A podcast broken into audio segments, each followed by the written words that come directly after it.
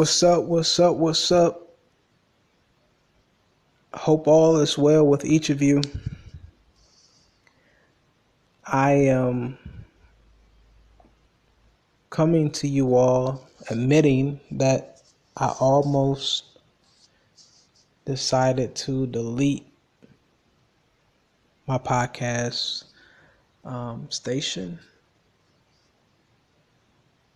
Uh, I guess for me, it was sense of validation that I wasn't getting.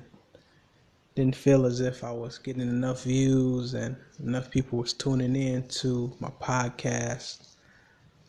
So I almost decided that I almost deleted my account because I felt as if um, I was putting much out in the atmosphere, but not getting much in return.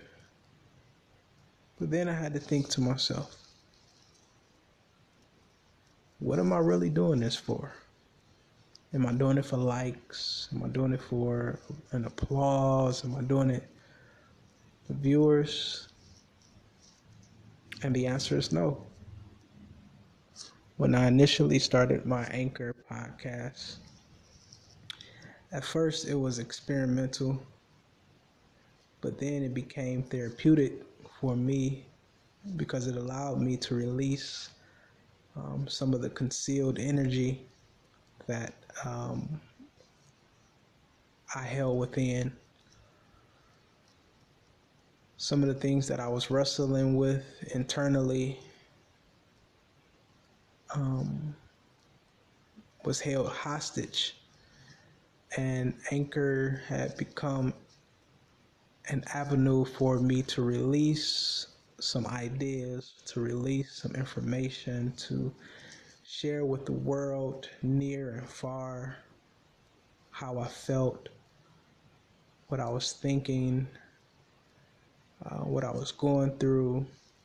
And it was it was also um, an instrument to share my spirituality with people um, because everybody isn't as spiritual as I like to think that I am. That's not to brag, that's not to boast. Um, far from it. Um, but I do hold my spirituality highly.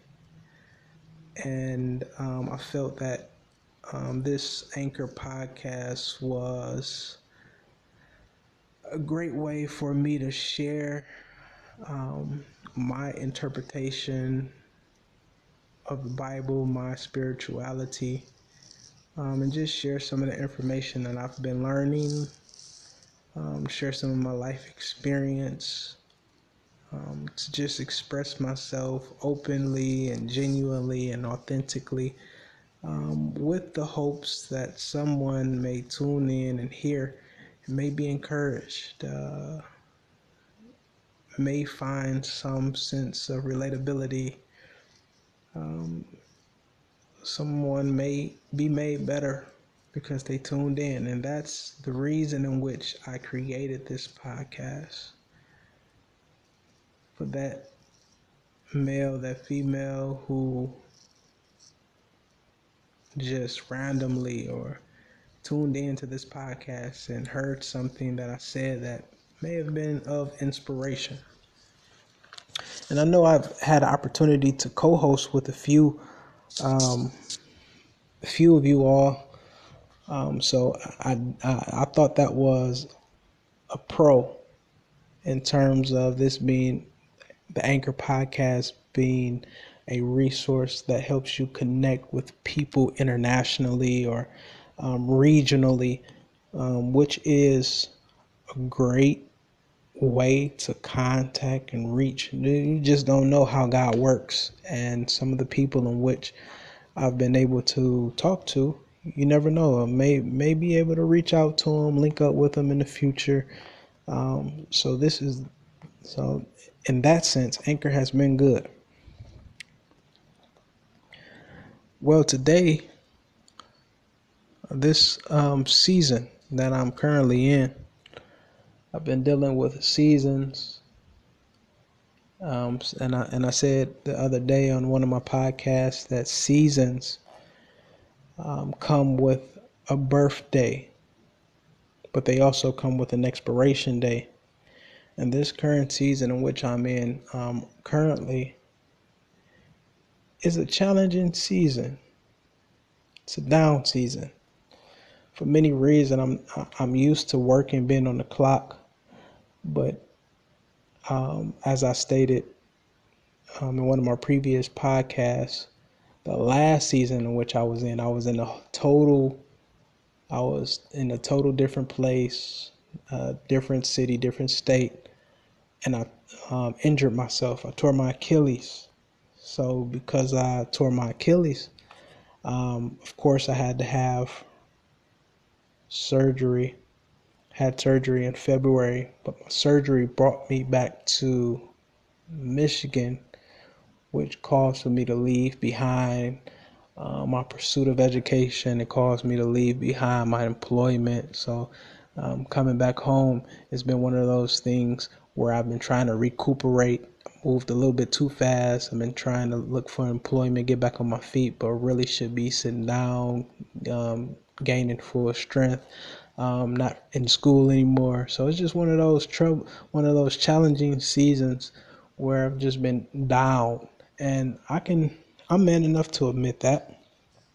I've been in a down season. I'm in a down season. Um, but one thing I do know as the person that I am, the man that I am, it won't always be like this. I won't always be down because I'm a person full of perseverance and resilience. Something very traumatic and tragic have has to come knock on my door for me to give up throwing the towel. Although at times I thought about it. I thought about throwing in the towel. But um, my thoughts have not transpired into actions. So I am uh, I'm grateful for that. And where I am now, um, just want to let the world know this is the lowest that I'll be at this moment, at this point. So stay tuned for the comeback, for the setback. It's nothing but a setup for where God is getting ready to take me next. And I believe that that's a word for somebody that you have been going through setback, facing obstacles. And those obstacles, those setbacks, have you doubting.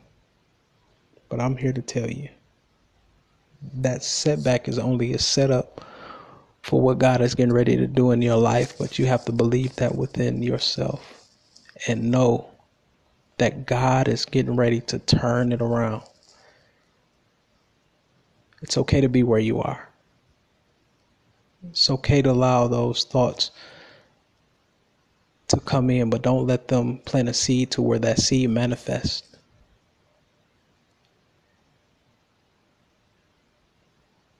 Use this time to prepare on how you're getting ready to bounce back, get up, and fight with a fight you never knew you had.